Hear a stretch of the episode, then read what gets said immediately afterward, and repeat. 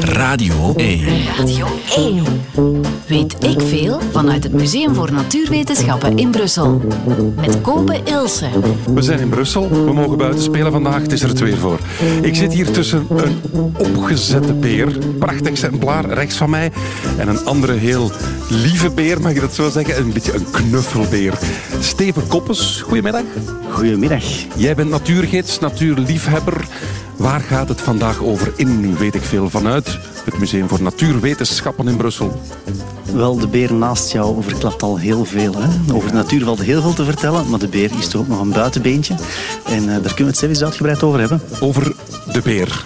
De beer. Van knuffelberen tot grizzlyberen, zwarte beren, koala's. Nee, koala is geen beer, dacht ik, of wel? is inderdaad geen beer. Er zijn acht soorten echte beren. Hè? Ja? Er zijn er nog een aantal andere soorten die daar aanhangen, maar de acht echte beren, eh, daar gaan we het vandaag over hebben. Ik kijk daar enorm naar uit. Samen met het live publiek laat u even horen. Het is spectaculair. Leuk.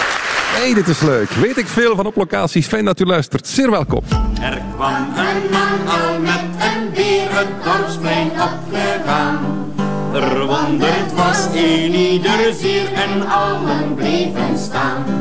Toen ging de beer aan dansen, dansen, dansen, dansen. Toen ging de beer aan dansen en ieder danste mee. Weet ik veel?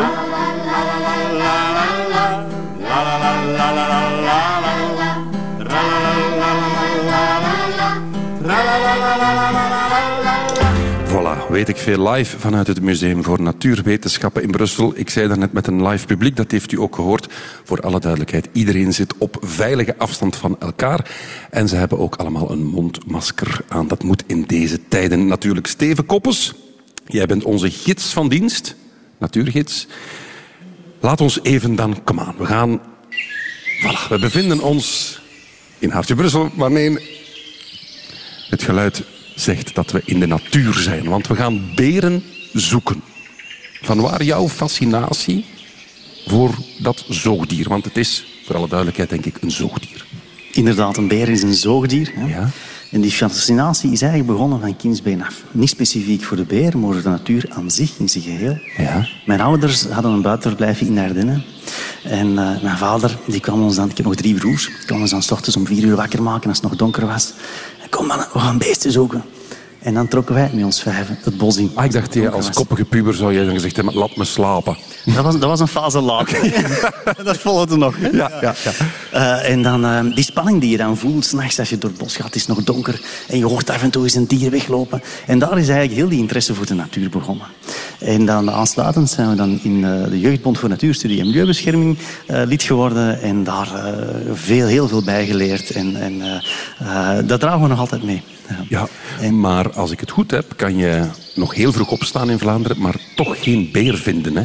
Beren die zijn er al, ik denk, 700 of 800 jaar niet meer. Ik denk dat de laatste beer in Vlaanderen, ik denk rond de 1300 daar ergens verdwenen is. Ja? Uh, maar je moet helemaal niet zo ver gaan om toch nog beren te kunnen zien en te kunnen tegenkomen. Ja, Zo, hoe ver moet ik reizen? Oh, ik denk uh, Zweden, Oostenrijk, uh, Zwitserland zijn er al populaties. Italië. Oostenrijk en Zwitserland? Italië? Ja, in Italië is al een redelijk grote populatie. Regio rond Trentino, maar ook een stukje zuidelijker. In de Abruzzen bijvoorbeeld is er een mooie populatie. Dus als je daar gaat wandelen, dan kan het gebeuren dat er ineens dit gebeurt.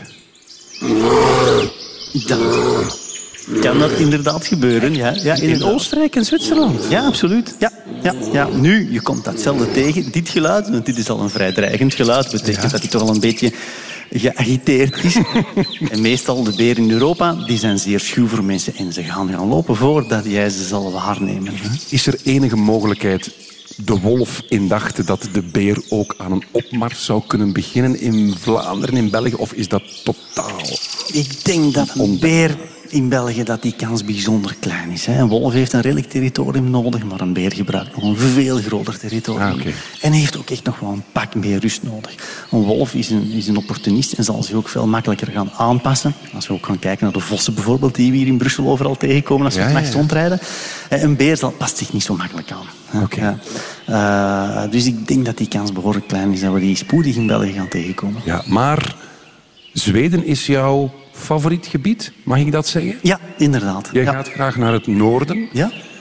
En vertel eens, die eerste keer dat je dan aan het wandelen bent en lap Ik hoop voor jou in de verte Een beer. hè? een beer Ja. In het wild. Euforie, alom. Vertel, vertel Ja. wanneer, hoe was dat? Goh, ik, eh, ehm, als kind dan ja, met, met papa het bos ingetrokken en dan eh, een paar keer naar Noorwegen op vakantie gegaan. En dan ben ik zelf zo aan beginnen zoeken. En dan vond ik een nationaal park in Zweden, Sonfjell National Park, waar een zeer grote populatie aan bruine beren zou zitten. En. Ik was 17 jaar en ik ben liftend met een vriend naar daar getrokken, 1800 kilometer. En we zijn daar 10 dagen gaan rondtrekken in een nationaal park. Dus je weet dat er in een park in het wild beren leven en je denkt, wij naar daar. Ja, absoluut. We gaan die zoeken, we gaan die zien. Hè? Ja. Is het voor de rest met de mentale gezondheid oké? Want dat lijkt me toch... Of is dat nu een ongelooflijk vooroordeel dat dat gevaarlijke dieren zijn? Goh, ik denk dat dat een vooroordeel is. Uiteraard is dat een heel groot en sterk dier, wat ook een stukje de mythe bepaalt van een Ja. dier. Hè, ja. Maar ze zijn zo schuw en ze hebben zo'n goede zintuigen dat de kans dat je ze tegenkomt toch wel erg klein is. Oké, maar vertel, je zit dus in het bos en in de verte. Vertel. Ja, je, je, voelt om een of andere reden van hier, hier, hier is iets aan de hand. Het wordt enorm stil. Je zintuigen worden scherper. Als je een paar dagen in de natuur leeft, worden die gewoon scherper. Ja? En je hoort iets, en plots is het prijs. Hè. Zie je een beer en is de euforie alom natuurlijk. Hè. Maar Ja. euforie, ja. En de eerste beer die ik gezien heb, herinner ik mij nog zeer, zeer goed, was in een klein valleitje en we waren aan het afdalen. En in het midden van die beek, recht voor ons, een meter of dertig voor ons, staat een beer. Hij kijkt naar ons en hij loopt omhoog. En we hebben mij een seconde of 10, 15 kunnen zien. Hij liep mooi omhoog en dan was hij weg. Hè. Ja. Dus die beer ziet jullie ja. en beslist dan te gaan lopen. Zo is dat. Nochtans, in de films met Anthony Hopkins is The Edge, denk ik, fantastische ja, film. Ja, dat zijn dieren die aanvallen. Die kunnen mensen niet verdragen, maar dat, dat is dus een verkeerd beeld. Dat- is een verkeerd beeld, al sinds toch zeker in Europa. Een, een, een beer zal, zal zeer zelden aanvallen, eh, tenzij dat zijn jongen bedreigd zijn. Of als indien de beer verkeerd geconditioneerd is. En dat is iets dat we bijvoorbeeld wel zien in toeristische gebieden. Ik denk daarbij aan de grote nationale parken in Amerika, waar heel veel toerisme is. Mensen gaan die beren eten geven en lokken en ze willen foto's van dichtbij. En dan krijg je dikwijls een probleem. Ja. De beer die gaat de mens beginnen linken aan eten. En het is eenmaal een opportunist ook. Die dier zoekt calorieën. En dan kan er een probleem ontstaan. Ja. Weet ik veel? En we gaan hier een vraag stellen aan een levend publiek. Bas staat bij mij. Dag Bas, hoe oud ben je? Eh, tien? Je mag heel Ah, ja. even je mondmasker afdoen. Tien jaar? Ja. Hou je van beren, vriend? Ja. Oké, ik, er, er, er komt een vraag aan. En ik zou graag hebben dat jij antwoordt op die vraag. Oké. Is het goed? Goed luisteren. Surprise a grizzly bear and it attacks.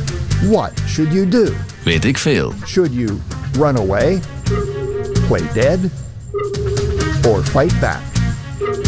The answer is Beste Bas, het was in het Engels. Ik vertaal even snel. Wat moet je doen als een grizzlybeer je aanvalt? Ik Wacht, denk- het is meer keuze, klein momentje. Moet je blijven staan? Moet je doen alsof je morsdood bent? Of moet je gaan lopen? Bas, wat denk je? Doen of dat je morsboot dood bent. Denk je dat echt? Ja. En hoe zou je dat dan precies doen? Eh, op mijn rug gaan liggen. Met je rug? voetjes omhoog. Met u? Met mijn voeten omhoog. Met je pootjes, zei je? Ja. Ah, echt, zoals vroeger in de Meneer Cactus Show. Dood is zo met je armen en benen in de lucht. Ja, zo. Dat zou jij doen. Ja. We gaan eens luisteren wat het juiste antwoord is. Hè? the answer is B. Play dead. Running away isn't a smart idea. Grizzlies can sprint at 35 miles an hour, faster than any human. Weet ik veel. Fighting back against an animal that can stand 8 feet tall and reach a thousand pounds is a serious mismatch. Your best option is to play dead. Fall onto your belly and wrap your hands around the back of your neck. Bas, je had helemaal gelijk, maar het doodspelen was... Dat is een detailkritiek dat ik nu geef, hè, maar doodspelen zou volgens de meneer op de radio op je buik gaan liggen en je armen in je nek doen. Dus op je rug en je benen omhoog, dat is een beetje ongelukkig. Dan zeg je eigenlijk, eet mij maar op. Ah, oh. Maar de kans dat je zo'n beer tegenkomt in Vlaanderen is, beste Steven, Nog altijd niet heel. nog altijd niet heel. Dus zijn, zijn we gerust? Wat zeg je? Ben je gerust nu? Ja. Mag ik u danken voor uw medewerking aan dit mooie programma? En een groot applaus van de aanwezige mensen. Dank u wel. Ja, want eh, applaus, want we zitten live in het Museum voor Natuurwetenschappen in Brussel. We praten over beren met Steven Koppes. natuurgids en man die het allemaal al van heel dichtbij heeft beleefd. In Zweden onder andere. Beste Steven, hoeveel berensoorten zijn er eigenlijk? Wel, we beginnen uiteraard met de bruine beer. Hè, die gelinkt is ook aan de grizzlybeer. Dat is eigenlijk identiek dezelfde soort. Hè. Ah, oké. Die hebben enkel door de voeding zijn die eigenlijk anders. En door uit de geografische ligging, maar ook de voeding zijn die anders gevormd. Bruine beren zijn wat kleiner. In Europa maximum 300 kilo. En in Amerika zien we dat we die dat toch wel tot 800, 900 kilo kunnen gaan. Dus ze worden veel groter. Hebben veel meer eiwitbronnen. Hè. Kodiak-eiland wordt heel veel zalm, heel veel Ja. rijk voedsel. En dan worden ze gewoon groter. Ja. Oké. Tweede soort, ja, Nee, nee, zeg maar. ja, de tweede soort die voorkomt is uiteraard de zwarte beer. Komt ook enkel in Amerika voor, heel gekend. Hè. Dan hebben we de ringbeer en zo'n ijsbeer, uiteraard ook een dier. Dat is de enige carnivoor trouwens onder de, onder de beren, maar dat is een groot misverstand. Heel veel mensen denken dat beren vooral vlees eten, maar dat is dus niet zo. Enkel de ijsbeer eet alleen vlees. De andere beren eten eigenlijk vooral planten, zaden, wortels, noem maar op. En het dieet bestaat eigenlijk maar uit 10% Dus- uit vlees. Bas staat niet op het menu van een grizzlybeer. Normaal gezien niet, nee. Oké, Oef Bas, leuk hè? Ik, ik voel toch wat opluchting met zijn t-shirt van Jurassic World. Eh, Ben je al gaan kijken naar de dinosaurussen hier? Straks, straks. Terug naar de beren. De ijsbeer is de enige carnivoor. Ja, klopt. Ja. Nochtans, ja, dat is een, een, een misvatting dan. Wat hebben we nog? Eh, wacht eens, kijk, we hebben de ringbeer gehad, de kodiak, sorry, kodiak is een ondersoort van de grizzly dan. Ehm, zwarte beer, honingbeer, eh, dat is een Aziatische soort. Honing? Schiet er dan Heeft hij geen langere snuit? Ja, ja, om, om echt een beetje de... blonde, blonde, hè. ja. Ja, ja, ja, oké, oké. En het is misschien een heel domme vraag, maar een panda is toch ook een beer? Ja, maar behoort niet tot de echte beren. Hè? Dus het is inderdaad een aparte ondersoort. Hè? Ja, samen met de kleine en de grote pandabeer. Ja. Ah, dus spreken we effectief van de pandabeer of gewoon panda? Nee, panda eigenlijk. Ja, het zou een correctere benaming zijn. Het is eigenlijk wel opvallend, want dit is een panda.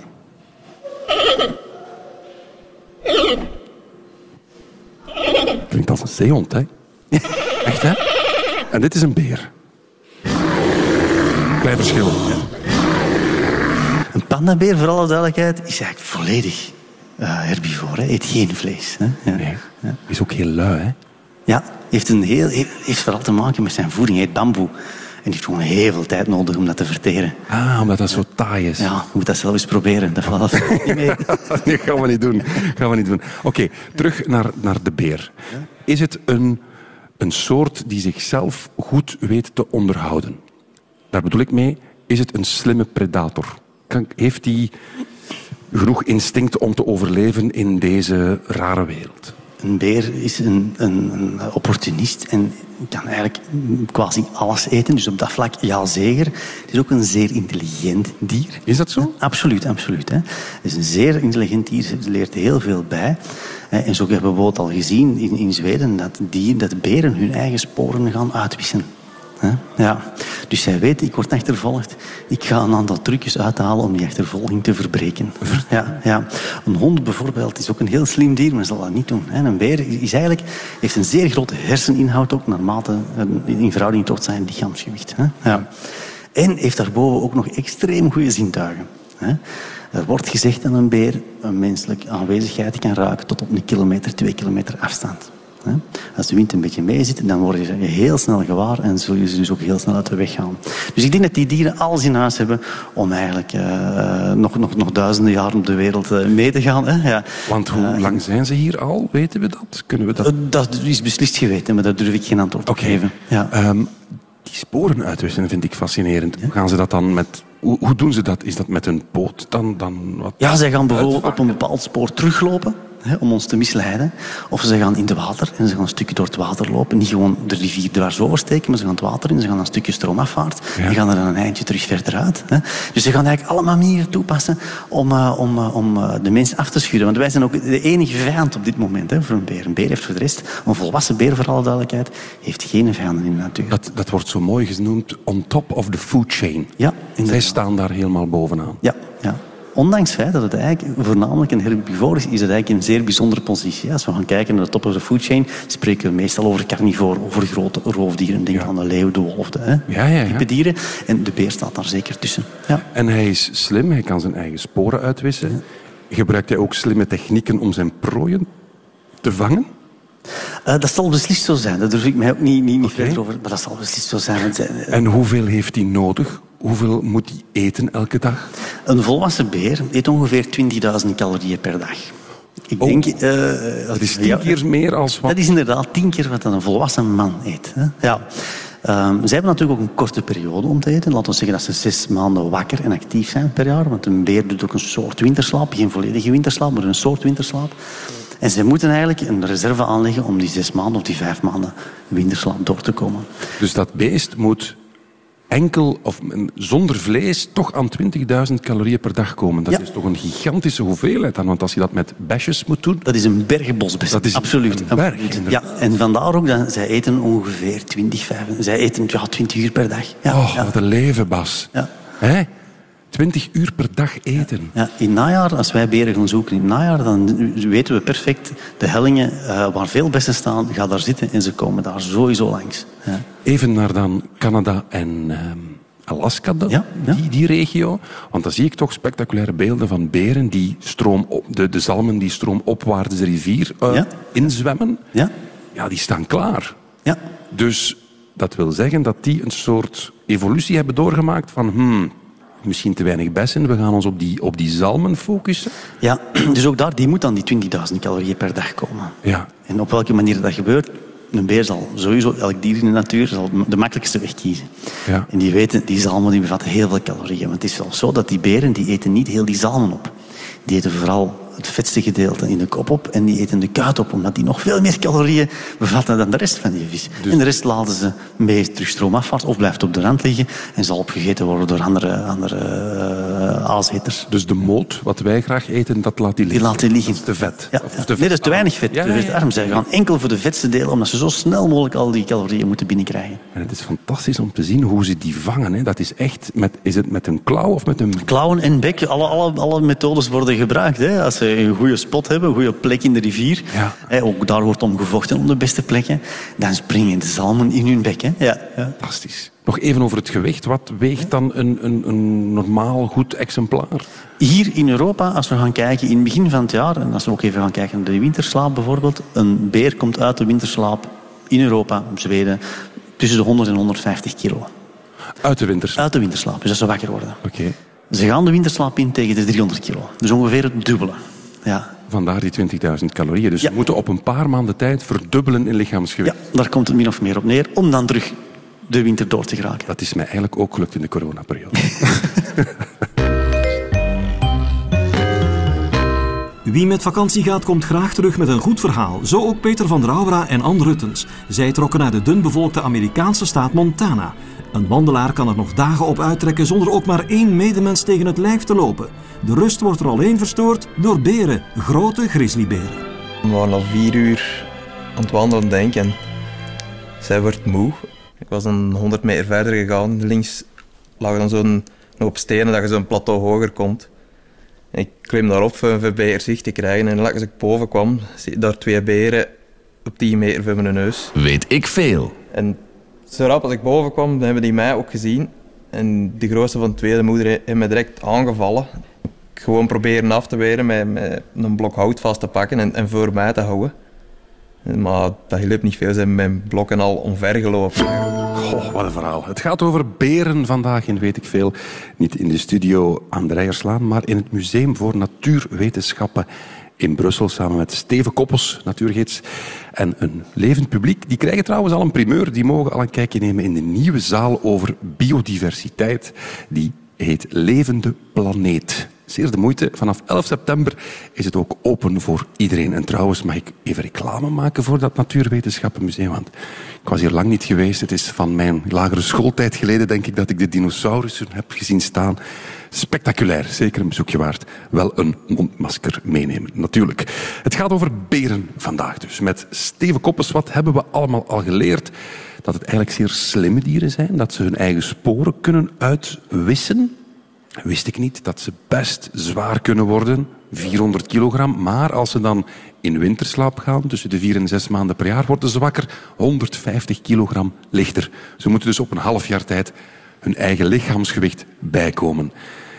Hoe doen ze dat? Niet door vlees te eten, Steven, maar door fruit te eten. Dus eigenlijk is onze schrik, nogmaals te bevestigen, ongegrond. De beren zijn eigenlijk echt knuffelberen. Of toch mogen we dat niet zeggen? Knuffelen zou ik niet zeggen. Nee. We hebben er juist even kort het fragment gehoord hè, van de twee mensen die in Montana zijn gaan wandelen. Als een dier verrast wordt, hè, dan zal het zijn jongen proberen verdedigen, sowieso. Of zelfs als het verrast wordt en het vindt geen makkelijke uitweg, dan zal dat dier zich verdedigen. En het zijn nu eenmaal zeer sterke dieren. Ja. En eh, daar moeten we toch een beetje voorzichtig mee omgaan. Ja. Waar ik graag nog eens over wil praten, hun houding. Dat is iets heel bijzonders. Ze lopen, als ze gewoon wandelen, vier, vier poten. ja, op vier poten. Ja, Maar ze kunnen ook alle, van alles anders. Hè? Ja, en dat denk ik dat ook een stukje meedraagt tot de, de, de interesse of de, de, het bijzondere dat, dat een beer maakt. Die kunnen ook perfect op twee voeten lopen. En dat maakt Ja. het bijzonder menselijk. Ze kunnen echt lopen. Of Ja, ze, ze doen dat nooit lang. Ja. Ze doen dat inderdaad nooit lang. Ehm, eh, maar in het wild, als ze geuren, een geurspoor gewaar worden, dan gaan ze ook op hun achterste poten staan. En ze kunnen zo gerust een aantal meters stappen. Ja. En wat we spijtig genoeg gezien hebben in heel wat landen vroeger in Zuid-Europa, werden die dieren daarop getraind. Hè. De circusberen, het, lied- het eerste liedje denk ik, begon ook zo'n dansende beer. Hè. Die zouden we eigenlijk liever niet zien, want die dieren worden daar zwaar voor mishandeld om dat gedrag te blijven vertonen. Uh, maar ze kunnen het dus inderdaad wel. En dat rechtstaan, is dat ook om te imponeren? Want we zitten hier naast een, een best een middel, middelgroot, Een middelgroot exemplaar. middelgroot exemplaar Ja, inderdaad. Ja. opgezet in het Museum voor Natuurwetenschappen. Maar middelgroot, maar als dat ding gaat rechtstaan, denk ik, een vlotte... Ik ben een meter 91, maar die gaat mij los voorbij. Hè? ja, absoluut. Ja, ik denk dat die toch wel richting 2,30 meter, 2,40 meter. Ja, ja. En wat Ja. is zo het grootste? Weten we dat? Hoe... Een ijsbeer zit op drie meter ongeveer. Hè? Ja, dus als dat voor je staat, dan, eh, dan eh, ja, je mag niet gaan lopen, maar dan heb je die neiging snel. En dat rechtstaan, gebruiken ze dat dan ook om, om dingen uit bomen te plukken? Ja. Zijn ze zo handig? Ja, inderdaad. Een beer kan ook trouwens nog altijd in bomen klimmen. Hè. Als we kijken, de zwarte beer is een zeer goede klimmer. Bruine beren in Europa, die doen dat ook nog. In Amerika, die dieren worden daar te zwaar voor en die gaan dat dus niet meer doen vanaf een bepaalde leeftijd of Ja. een bepaald gewicht. Maar ze kunnen dus perfect in bomen klimmen. En dat rechtstaan gebruiken ze dus inderdaad om hun regio te scannen, dingen te zoeken, geursporen om te vangen, dingen te zien. Hè, maar ook even goed om te eten. Hè. Een appelboom, ze zijn zot van appelen. En beren, als ze fruit kunnen vinden, ah, eh, als je een boomgaard... eh, Ja. In Zweden een boomgaard in de hof hebt en je plukt je appelen niet tijdig weg, dan zijn ze daar. Toptip, als je gaat wandelen in Zweden, geen appel in je broekzak stoppen. Dat is een verstandige tip. Zoollopers, dat is eigenlijk mooi gezegd. Dus ze lopen effectief zoals wij ook. Als ik, als ik naar hun poten kijk, naar hun, hoe noem je dat, voeten? Nee, nee. Dat Ja, poten. Ja. Poten, hè. Ja. Ze hebben gewoon ook vijf nagels, Ja. een soort tenen, Ja. waarmee ze klauwen, waarmee ze klimmen. Erg grote klauwen, inderdaad, waar ze boomstronken mee opentrekken op zoek naar larven en mierennesten. En, maar inderdaad, ook dat klimmen. Hè, ja. En indien ze de kans krijgen, bijvoorbeeld in het voorjaar, zal een beer, als hij de kans krijgt om bijvoorbeeld een elandenkalf eh, te slaan, te doden, dan zal hij dat doen. Hè. Want zo'n beer die wordt wakker met een gigantische honger en die wil zijn hongergevoel zo snel mogelijk gaan stillen. Ja, een staartje.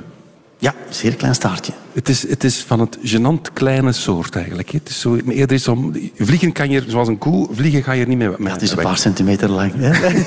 inderdaad, dat heeft er nog weinig nut. Hè. Ja, We begrijpen allemaal de connotatie. Ja. Waarvoor hebben ze dat nog? Gewoon, dat is nog iets dat er aan hangt. Dat is een, een overblijfsel. Denk je. Wij hebben ook nog steeds een staartbeentje dat je af en toe eens tegenkomt als je naast de stoel gaat zitten of zo. Dan- Zwijg ervan, zwijg ervan. Dan kijken we eens naar de kop. Hè.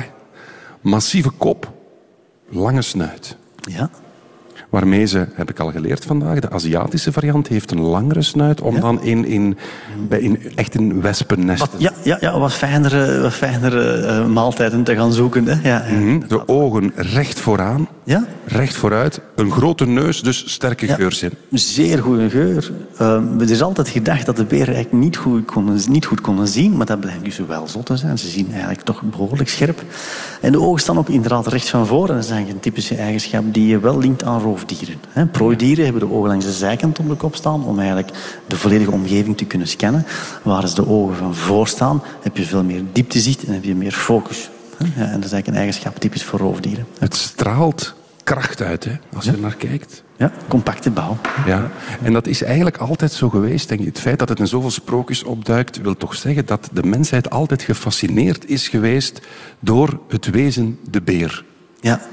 We hebben van, eh, als we de geschiedenis van de mens gaan kijken, hè, hadden vroeger de holenbeer hè, en heel wat beren leven in grotten. En, En wij wonen daar ook, dus we zijn er heel veel mee geconfronteerd geweest in onze geschiedenis. Hè.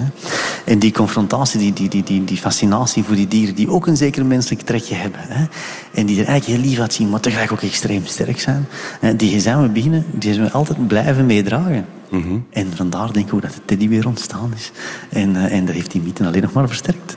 Kan je ze los... Nee, uiteraard, het circus dat is mishandeling, maar zou je ze in huis kunnen nemen? Want er duiken wel eens filmpjes op op YouTube van beren die gedomesticeerd zijn. Ja, absoluut. Je hebt, je hebt heel wat mensen, dat zijn vooral mensen die die beren tam maken om te gebruiken in de filmindustrie. Hè. Ja. En daar zien we dat er mensen gewoon beren in huis hebben zitten. Ja, die beren zijn volledig tam. Nu, een, een beer is een solitair dier. Een hond is heel makkelijk te temmen, omdat dat een roedeldier is en die zal zich aanpassen aan de roedel. Die wil deel worden Die van... wil, ja, inderdaad, een beer heeft dat niet. Een beer, eens dat hij bij zijn moeder weggaat, tenzij met zijn eh, nestgenoten, dus twee broers bijvoorbeeld, of een zus en broer, dat kan zijn dat die nog eens een jaar of twee samen optrekken. Dus af en toe zie je twee beren samen. Maar uiteindelijk gaan die... Broodjes smeren. Ja, uiteindelijk gaan Sorry, die toch even Uiteindelijk gaan die toch hun, hun eigen gang gaan. En enkel tijdens het paarseizoen zul je beren samen zien rondhangen. Maar voor de rest van het jaar zie je die helemaal alleen. Ja, die trekken alleen rond. Ja. ja. Want het, inderdaad, het lijkt wel, als ik zo natuurdocumentaires zie, dat er wel eens een groepje durft samenklitten, maar dat klopt dus niet. Dat is dan een moeder bijvoorbeeld met jongen. Ja. Een moeder kan één, twee, drie, heel soms vier jongen hebben.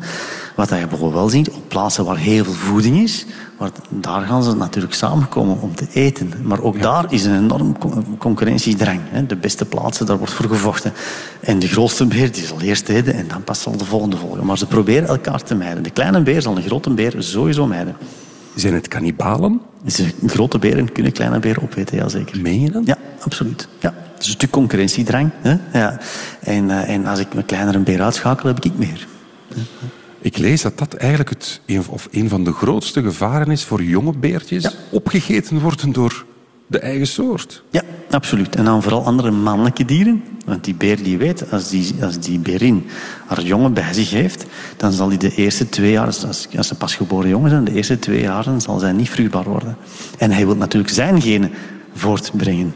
Uiteraard. En niet die van die andere beer. Uiteraard. En hij zal dus die jongen opeten, waardoor dat die berin datzelfde jaar nog terug drachtig kan worden. Van zijn genen dan weliswaar. Nog een weetje. Of zijn genen kan voortbrengen. Hè? Ja. Nog een weetje, beste Bas. Goed luisteren, tienjarige Bas hier in live in het publiek.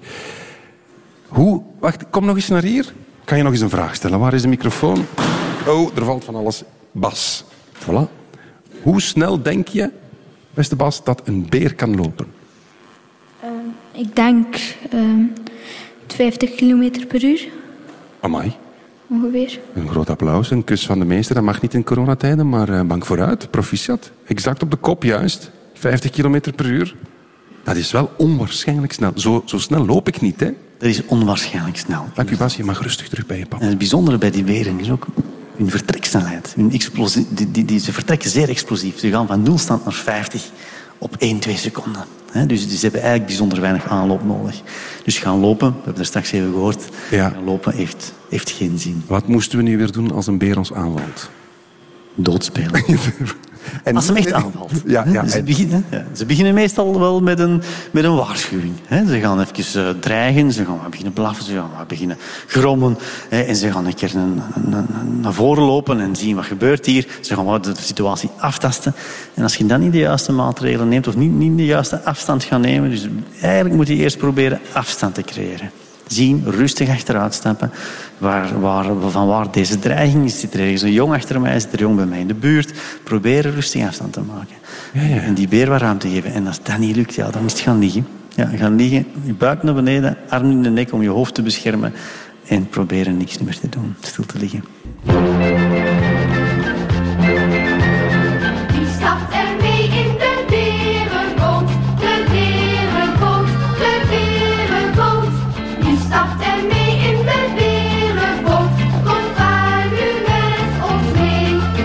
Veel. Dat is lang geleden. De berenboot. Ooit gezien op tv? Uiteraard. Ja, hè? Ja. Dat is lang geleden, hè? we zijn oud aan het worden. Het gaat vandaag in Weet ik Veel over beren vanuit het Museum voor Natuurwetenschappen in Brussel. Bij mij zit Steven Koppes, natuurgids, broer van ook. Leuk, Ja, leuke man, inderdaad. broer. Echt tof. Merci. Dieter. Ehm, maar jij gaat niet op reis, met de bus en mensen met het syndroom van Down. Jij gaat echt op zoek naar beren. Dat is jouw passie, jouw fascinatie, de beer. Dat hebben we al geleerd vandaag. Ja, klopt, inderdaad. En je hebt al verteld, in Zweden heb ik een bruine beer gezien. Maar in Canada heb je ook de grizzlybeer gezien. Ja. Dat is ja. een variant van. Dat is een ook al van de bruine beer, ja. Maar dat moet toch nog een, een andere belevenis zijn, denk ik. Want grizzly, het zit ook in de naam, griezelig. Is dat een andere dimensie of viel dat eigenlijk heel goed mee? Goh, dat viel wel mee. Voor mij viel het alleszins goed mee. We hebben er een aantal gezien in Canada. Mijn echtgenote heeft zeer dicht bij een bruine beer gestaan. Iets te dicht eigenlijk. Iets te dicht. Eh, eh, eh, we waren een wandeling begonnen en op het... Ja, ik ben nogal avontuurlijk aangelegd en het wandelpad liep langs het strand en ik wou over het strand lopen. Mijn echtgenote, ik blijf op het pad. Ik zeg, ja, is goed, geen probleem. Ik over het strand, zij op pad. En, eh, en op het pad stond er dus een beer. Ja. En eh, ik zag het gebeuren van 200, 300 meter afstand, want ik liep op het strand en ik zag de beer. En ik zag achter de beer ook nog een aantal mensen aankomen. En ehm, ah, er waren een aantal mensen die dichterbij liepen en die het ook allemaal zagen gebeuren. En die hebben geprobeerd de aandacht van mijn echtgenoten te trekken. Ik stond te ver. Maar het lukte niet, ze was aan het wandelen. En eh, totdat ze uiteraard plots die beer zag staan, die grizzlybeer voor haar. En ze heeft zeer correct gereageerd. Ze is heel rustig achteruit gegaan totdat ze uit het zicht was van die beer. En dan is ze mee het strand opgelopen en dan is ze eigenlijk meteen gezelschap gaan zoeken. En er waren een aantal Duitse toeristen die haar op dat moment hebben opgevangen. En ik ben ook naar daar gelopen. Ja. En, eh, dus dat was wel een, een nodige stressmomentje als je zo'n dier alleen tegenkomt. Hè. Ja. Heb je er enig idee van hoeveel mensen het slachtoffer worden? Is dat In Europa is dat, is dat echt niet heel. In, in, zelfs in Amerika is dat de laatste jaren eigenlijk zeer zwaar eh, teruggedrongen, omdat er ook door de, door de park rangers enorm wordt opgedrukt om dus afstand te houden van het dier. En vroeger toerisme kwam op gang in Amerika, ze wisten niet goed hoe daarmee om te gaan. Mensen begonnen eten uit auto's te gooien en er waren heel er, heel er kijkfiles voor beren. Ja, dat was niet goed voor die dieren. Die dieren kwamen te dicht bij de mensen en, en, en begonnen zo probleemberen te worden. Want klopt het dat beren zelfs ondertussen zo geprogrammeerd zijn dat ze zelfs tandpasta en zonnecrème eten? Ja, absoluut, absoluut. Alles wat dat geur heeft, wat dat voor die dieren interessant is, daar komen ze op af. En als je dus in een camping in Amerika, eh, in, in Bear Country gaat, gaat kamperen, dan is de bedoeling dat je al je eten ophangt. Ja. Bepaalde liftjes of in stalen boxen steekt om dus inderdaad te vermijden. En laat het niet in je auto steken, want ze zijn sterk genoeg om een auto open te breken. Ze gaan gewoon de deur openvouwen en ze kruipen in hun auto. Op YouTube kan je genoeg filmpjes vinden van beren die in een wagen zitten. Voor uh, typische Colgate? Ja. Ja. Of uh, wat, wat stimulolletjes, wat tanden, zo, wat kauwgommetjes, uh, noem maar op. Ja. Ah. En die kunnen een wagen openbreken Ja. daarvoor. Die ruiken zo, zo, zo sterk. Ja, ja. Straf. We, moeten, we gaan richting het einde van het programma, dus moeten we ook even de toekomst, of het toekomstbeeld bekijken van de beer. Ik zie uitgemergelde ijsberen wel eens passeren op televisie. Ehm, ik hoor van jou dat ja, de beer veel plek nodig heeft. De mens komt altijd maar dichter tegen de natuur. Vandaar ook een virus zoals dat vandaag leeft. We zijn te dicht bij de natuur gekomen. Kijk eens in die glazen bol. Is de beer... eh, Hoe ziet het eruit? Is Goh, ik denk als we, als we ter- terug binnen Europa gaan kijken, eh, denk ik dat de bewustwording enorm aan het versnellen is naar, naar natuurbescherming.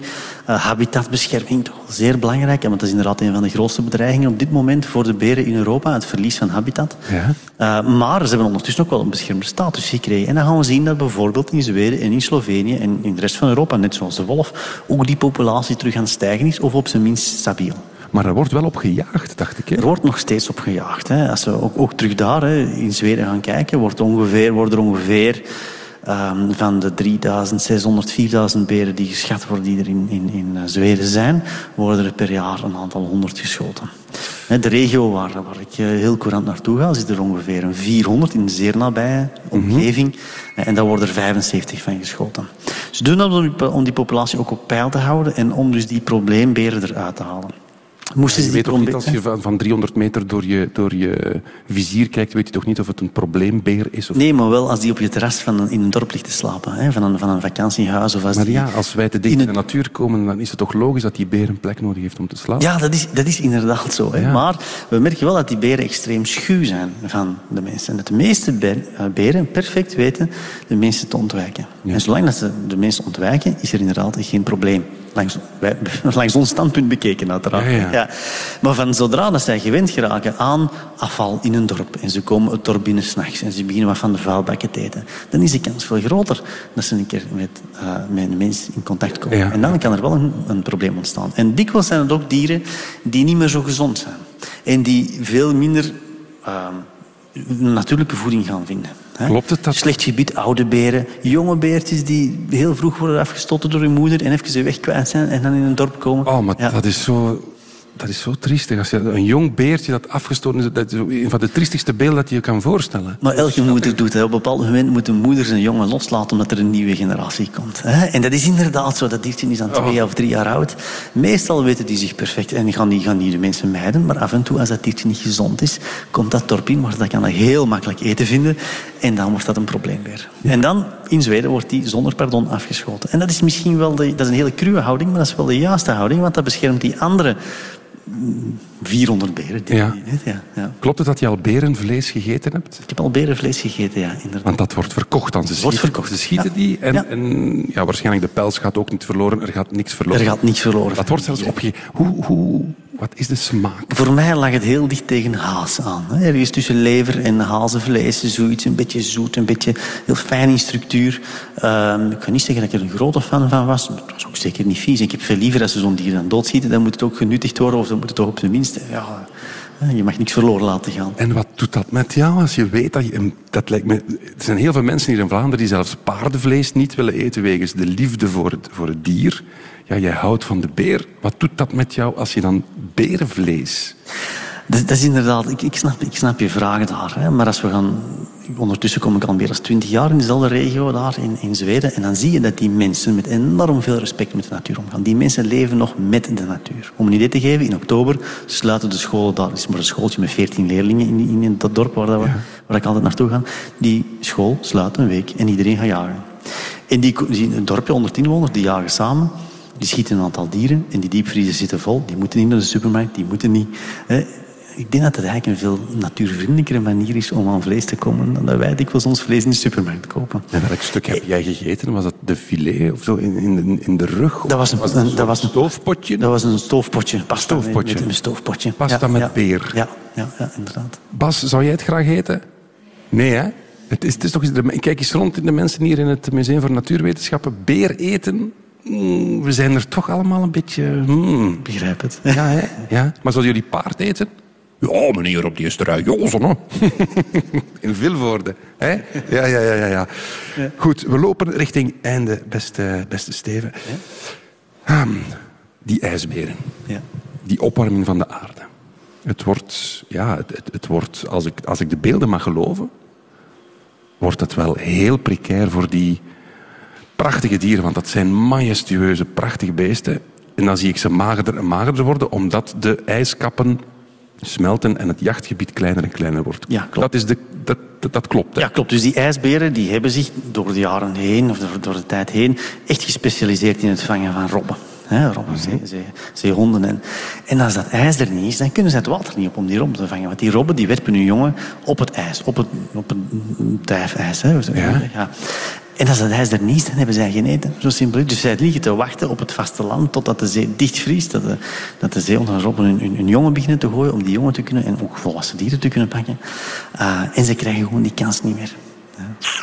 Laten we hopen dat het allemaal goed komt voor de beer. We hebben er een ja, 55 minuutjes interessant over gesproken, dus moet ook getest worden of ik goed geluisterd heb. Weet ik veel.